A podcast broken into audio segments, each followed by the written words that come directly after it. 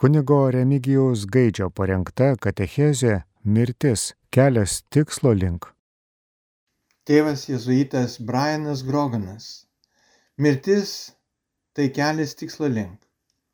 Dievą tikintis žmogus supranta, kad mirti yra natūralu. Kaip atėjau į šį pasaulį, taip turiu ir jį apleisti. Laikinumo patirtis palydė kiekvieną žmogaus gyvenimo akimirką. Trapi gyvenimo dovana džiugina ir liūdina mus. Viskas praeina, džiugus ir sunkus dalykai, bet vis išeina į gerą, kaip sako paštas Paulius tam, kuris myli Dievą. Visagalio ir gailestingo Dievo malonės dėka nuo pat pasaulio sukūrimo esame apsupti jo meilės, o Kristaus prisikėlimas mums atvėrė amžinojo gyvenimo vartus. Visas žmogaus gyvenimas yra kelias link to tačiau tik mirties dėka pasiekėme mums skirtą šlovę. Kai kurie mokslininkai įrodinėjo, jog mes netikime savo pačių mirtingumu, bet tik kitų mirtingumu. Tam iliustruoti buvo panaudojami įvairūs pavyzdžiai. Vienas iš jų panaudojo pašnekėsių nuotrupą, atsitiktinai nugirsta traukinyje. Jei vienas iš mūsų mirtų, kelčiausi gyventi į Paryžių. Kaip kunigas aš vadovauju daugeliui laidotuvių peigų, bet ar susimastau apie tai kaip savo paties laidotuvių preliudiją? Ar iš ties suprantu, kam skambina varpai? Didis teologas Karlas Bartas kartą rašė, jog nežinia, kada ateis ta diena, kai grupelė iškilmingai atrodančių vyrų ir moterų tamsią aprangą paliks bažnyčią, kurioje jis daug metų pamokslavo ir lietai eis kapinių link. Jis bus kartu su jais. Kapinėse jie atliks savo paskutinę pareigą vėlioniui ir tuomet grįš į miestą, tačiau jau be jo. Jis pasiliks ten, kapinėse, po žemę. Mirties tema yra labai plati. Pateiksiu tik keletą idėjų, kurios galėtų vesti klausytoje asmeninių apmąstymų link materialioms būtybėms, kokie mes visi esame, mirti yra natūralu. Net žvaigždės bei visatos miršta. Biologiniai dėsniai veikia, o pasaka prieškimo mes esame sukurti iš dulkių, todėl natūralu, kad į jas ir grįžtame. Mirtis mums yra įgimta, tačiau mirties formos, kurias galime patirti, staigi tragedija ar užsitęsusi agonija, atrodo siaubingos. Kodėl mes ramiai nepaliekame šio kūno anapus ir nepereiname į tam tikrą egzistenciją, kurią mėgaujasi Jėzus po prisikėlimo? Argi tai nebūtų nuostabijo išganimo pasiekmė? Gyvenimas tai ryšiai. Todėl, kai žlunga pagrindinis ryšys, kažkas miršta. Skausmingą atskirimą žmonės vadina mirtimi, Hebrajai fizinę mirtį siejo ir tai jiems buvo visiškai natūralu su dvasios mirtimi, kurios priežastimi laikė nutolimą nuo Dievo. Jie gerai suprato, jog Dievas viso gyvenimo šaltinis, todėl nuodėmė arba nusigrėžimas nuo jo gyvenimą neiginti poziciją, kuri išoriškai pasireiškia kūnišką mirtimi. Nuopolis čia suprantamas kaip radikalus nepaklusnumas pateikta hebrajų vizija liūdija apie žmonijos ryšį, kai pirmieji tėvai nusisuko nuo Dievo, kartu su jais nupuolė ir visi jų palikuonis. Maža to, atsižvelgiant esamą žmonijos ryšį su gamta, tikima, jog mūsų nuopolis reiškia ir gamtos nuopolį. Tam tikrų būdų visa kūrinyje buvo pajungta pragaišties vergoviai. Kaip rašo paštas Paulius laiškė romiečiams, aštuntame skyriuje 21 eilutėje.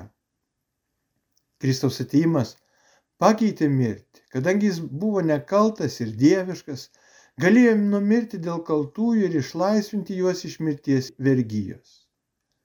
Mūsų ryšys malonėje įveikia mūsų ryšį nuodėmėje. Tai kodėl mirtis išlieka?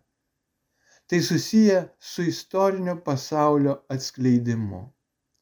Mirties universalumas mums nuolat primena, jei to klausome, apie sudėtingą žmonijos padėtį sukilus prieš tikro gyvenimo šaltinį. Mirtis relativizuoja bei sunaikina visus žmonių pasiekimus. Tai skatina stiprinti mūsų ryšį su Dievu ir jei iš ties norime būti gyvi, priartėti prie gyvenimo ir meilės šaltinio. Mylėdami mes periname iš mirties į gyvenimą, kadangi meilė niekuomet nesibaigia, kaip apaštalas Paulius visiems skelbė meilės himne pirmame laiške korintiečiams, 13 skyriuje 8 eilutėje. Dievas veikia per mirties paslapti, kad vėl mus nukreiptų į tikruosius namus. Taigi mirtis tampa svarbiausių veiksnių išganimo istorijoje. Mirties akivaizdoje esminė užduotis yra apsispręsti už Dievą. Kuo tai žmogus padaro anksčiau, tuo jis labiau pasiruošia tam svarbiam gyvenimo momentui. Tad kaip reikia sutikti mirtį? Ar galime padaryti geriau nei Vūdė Alenas, kuris šmaikščiai pastebėjo, jog visiškai nebijo mirties, bet tuo metu, kai jie ateis, nenorėtų būti netoliese. Ar mes galime pasirinkti, kokia bus mūsų mirtis? Ar mirštame vieni, ar bent paskutinėmis akimirkomis esame palaikomi žmonių, kuriems Jėzus yra svarbiausias. Gyvūnai iš gyvenimo išeina neatsisveikinę, Tačiau mūsų mirtis yra kitokia. Nors mano asmeninė mirtis ir yra neišvengiama, bet galiu rinktis, apie tai negalvoti arba tam ruoštis, priimti tai kaip neišvengiamą faktą arba tuo piktintis. Galiu būti ar nebūti samoninga savo mirties valandą. Mirtis gali būti staigi, smurtinė, žiauri, nelaukta, tamsi, vieniša.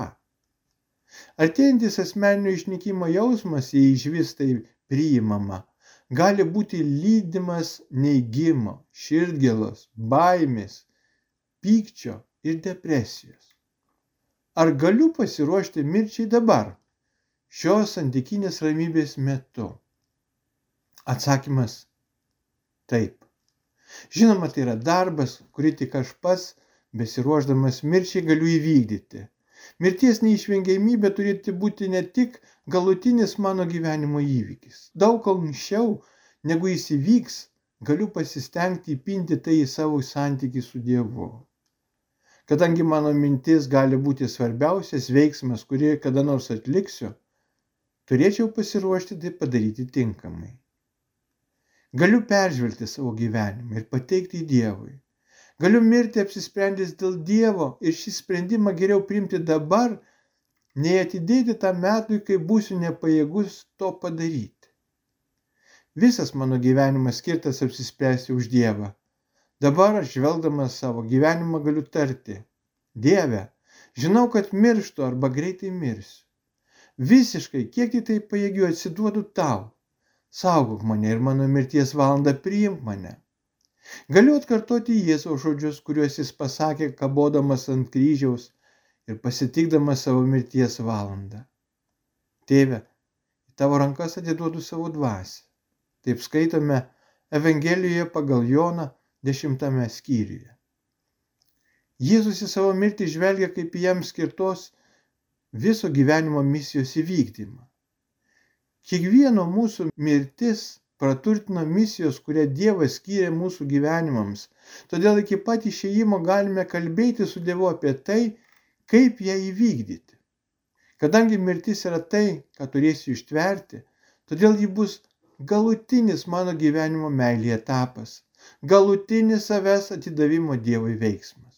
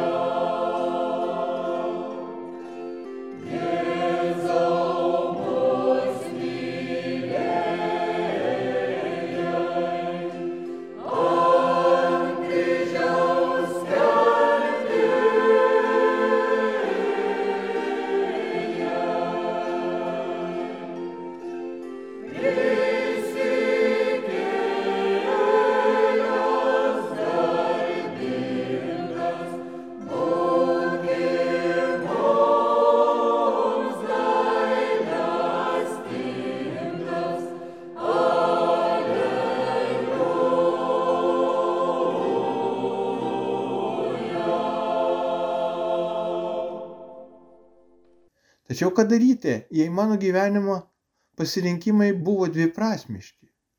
Galbūt rinkausi mėgavimėsi gyvenimu, o ne Dievą. Galbūt aš nedaug kuo prisidėjau padedančio pasaulio vargstantiems. Tačiau vis tiek trokštų Dievo. Svarbiausio pasirinkimo koncepcija gali padėti suprasti mūsų dviprasmiškumą. Šis terminas reiškia principinę mano širdies orientaciją Dievo link. Nors kartais gyvenimo kelyje ir tenka susviruoti, tačiau šis pasirinkimas bei apsisprendimas padeda išlikti tvirtam. Įsivaizduokime į Marsą vykstantį erdvėlaivį. Jis nukreiptas ne į Venerą, ne į Jupiterį, bet tik į Marsą. Nors kartais žvaigždžių sunkio jėgos laukai ir gali išsukti iš kelio, tačiau jų mechanizmai visuomet sugražina iš anksto užprogramuotą tikslą. Tas pats yra ir su mumis, kurie visi savo esybę, nors gal ne visada ryštingai trokštame Dievo, tačiau tuo pačiu nesame bejingi ir kitiems dalykams. Ši svarbiausio pasirinkimo savoka turėtų mus šiek tiek nuraminti. Nėra taip, jog vienu metu esame mirtinoje nuodėmėje, o kitų apgaubti malonės. Jau nuo pat pradžių Dievo malonės dėka esame sukurti geri ir lydimi nuolatinės jo globos. Kai savo gyvenimo kelyje sudvėjojame, atgaila pataiso mūsų nukrypimus į šalį ir mes vėl einame pirmin. Žinoma, kas nors gali paklausti, ar aš bent kartą gyvenime tikrai pasirinkau Dievo kryptį. Čia būtina pastebėti, jog esminis dalykas yra tai, kad Dievas mus pasirinko pirmas. Tai Dievo meilė ir jo vizija paruošė mūsų kelionę. Svarbiausias mūsų pasirinkimas aiškus, o gal tik numanomas, įspūdingas, o gal ir beveik nepastebimas yra atsakas į Dievo pasirinkimą. Žmonės, kurie trokšta pasitikėti Dievu, neturi jo bijoti. Mirti tai žengti į bendrystės pilnatvę. Štai kaip galime žvelgti į mirtį. Į Marsą skrienčio erdvėlapio įvaizdį yra liūzija į kitą galingą jėgą, veikiančią mūsų įime Dievo linkui. Tai pats Dievas nuo pat mūsų kelionės pradžios iki pabaigos traukia mus ir nepaliaujamai veikia, kad paruoštų mums palankės sąlygas pasiekti savo tikslą. Jei Marso gravitacijos laukas veikia erdvėlaivį tik ilgos jo kelionės galutinėme etape metu, tai Dievas aktyviai mus traukia savęs link tiek kelionės pradžioje, tiek viduryje, tiek ir jos pabaigoje. Ši dieviškos traukos gale mūsų gyvenimuose yra stipresnė už bet kokią kitą jėgą. Nors kartais mes ir manome, jog asmuo savo laisva valia gali pastoviai judėti priešingą kryptimį nuo gyvenimo šaltinio, tačiau krikščionių bendruomenė niekuomet netvirtino, kad kas nors tai padarė. Bažnyčia vylėsi ir meldžiasi, kad visi žmonės būtų išganyti.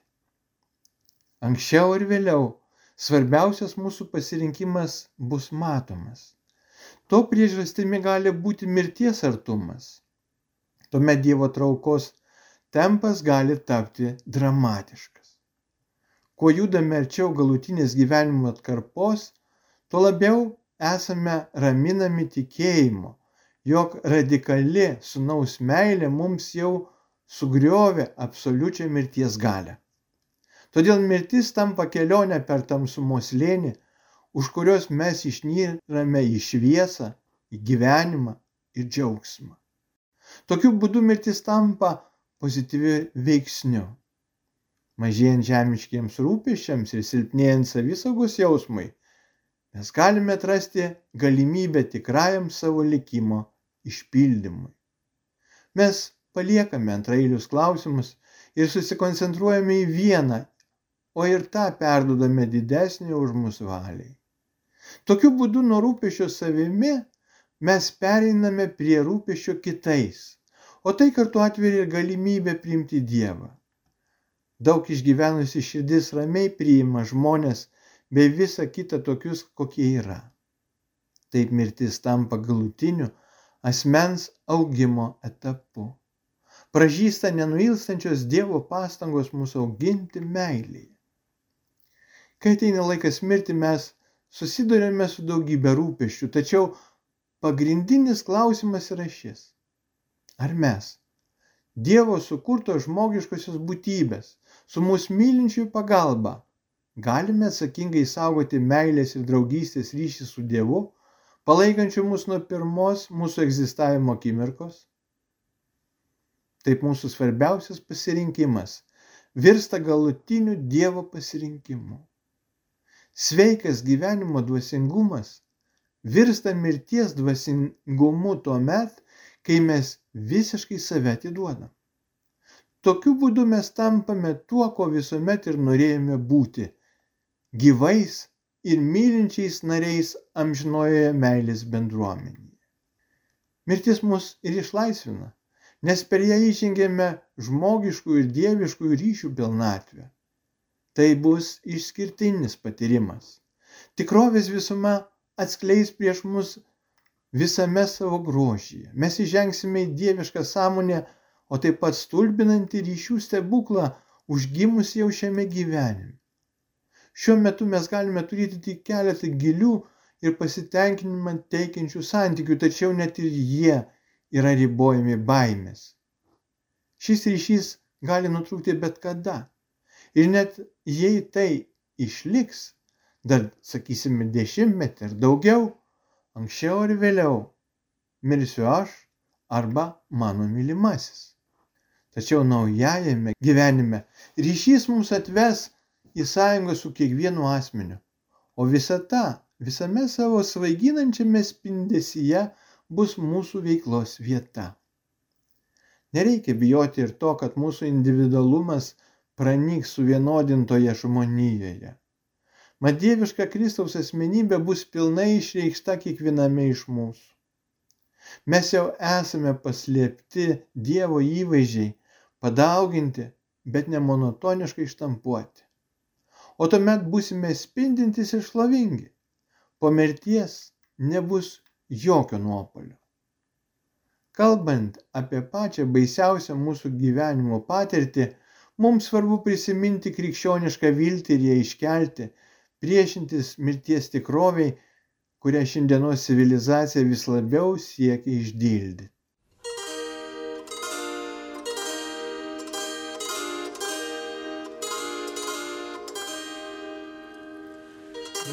Czyścią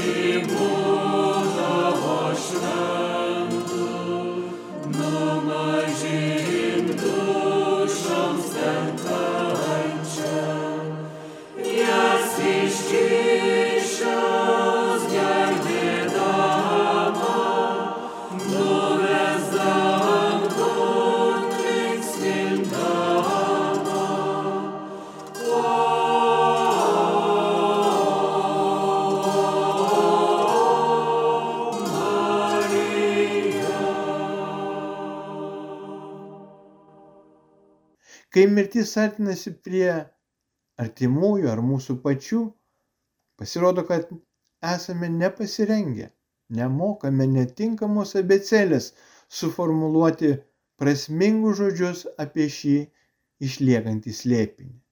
Jis persmelkė pirmosios žmonių civilizacijos pėdsakus. Galima sakyti, kad žmonija nuo pradžios lydėjo mirusiųjų kultas. Kitos prieš mus buvusios civilizacijos turėjo drąsos pažvelgti mirčiai akis. Tai buvo įvykis, kurį vyresnieji pasakodavo jaunai kartai, neišvengiama tikrovė, įpareigojanti žmogų gyventi dėl absoliutaus idealo. Štai psalmėje recituojama. Mokyk tad mus skaičiuoti savo dienas, kad įgytume išmintingą širdį. Savo dienų skaičiavimas padaro širdį išmintingą. Šie žodžiai mus gražina į sveiką realizmą ir nuveja visagalybės iliuziją. Kas mes esame? Esame trapus. Beveik niekas, sakoma kitoje psalmėje. Mūsų dienos greitai praeina. Net jei gyventume šimtą metų, galiausiai visą tai atrodo tarsi vienas atokaipis. Dažnai girdime, kai vyresniai žmonės sako, mano gyvenimas prabėgo kaip akimirka. Taigi, mirtis apnuogina mūsų gyvenimą, įleidžia suvokti, kad puikybės, pykčio ir neapykantos aktai buvo visiškai veltui, visiška tuštybė. Su gailišiu suvokiama, kad nepakankamai mylėjome, kad nesiekėme to, kas esminga. Kita vertus, matome, kad pasėjome tikrai ir gerų dalykų. Tai meilės ryšiai, dėl kurio aukojamės ir kurie dabar mus vedasi už rankos. Jėzus nušvietė mūsų mirties slėpinį. Savo pavyzdžius leidžia mums gėdėti mirus artimam žmogui.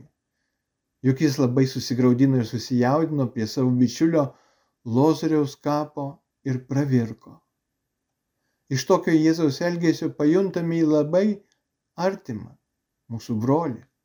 Jis verkė savo bičiulio Lozoriaus. Tada Jėzus melžiasi tėvui, iš kurio kyla gyvybė ir jis sako Lozoriui išeiti iš kapo ir tai tikrai vyksta. Krikščioniškoje viltis kyla iš Jėzaus nuostados žmogaus mirties atžvilgių. Jei mirtis egzistuoja kūrinyje, vis dėlto yra įtarsi randas, iškreipiantis Dievo meilės planą, o išganytojas nori tai išgydyti.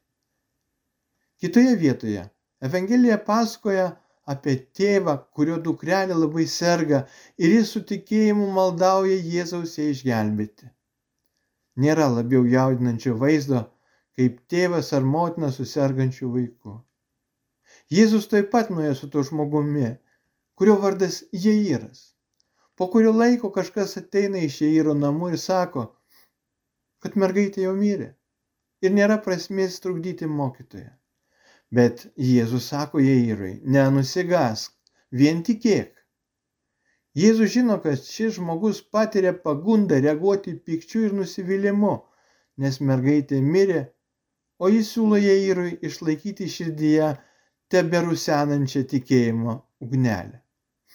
Nenusigask, vien tikėk, nebijok tik išlaikyti tą liepsną degančią. Tuomet atvykęs į jo namus jis pažadins mergaitę iš mirusių ir gražins ją gyvą jos artimiesiems. Jėzus mus pastato ant šio tikėjimo keteros. Mortai, verkiančiai dėl mirusios brolio Lozoriaus, jis prieš priešina tikėjimo tieso šviesą. Aš esu prisikėlimas ir gyvenimas. Kas tiki mane nors ir numirtų, bus gyvas.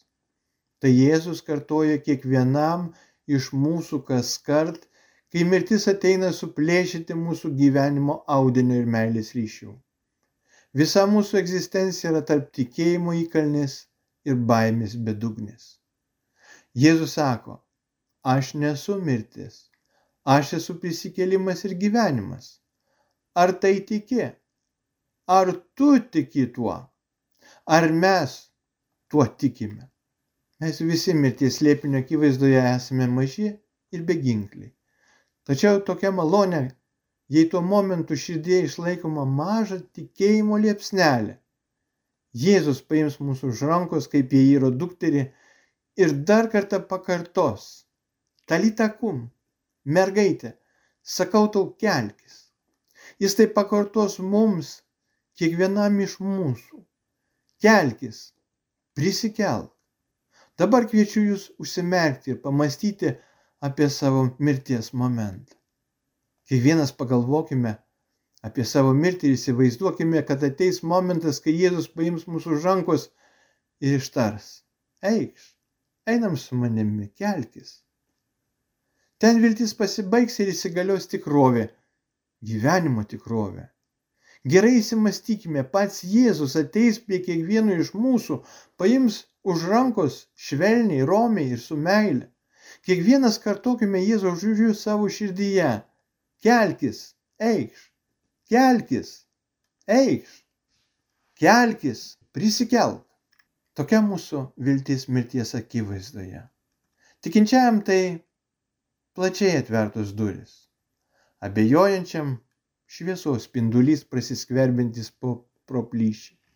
Tačiau mums visiems tai bus malonė, kai mūsų apšvies šį susitikimo su Jėzumi šviesa. Viešpatie tave apsaugia.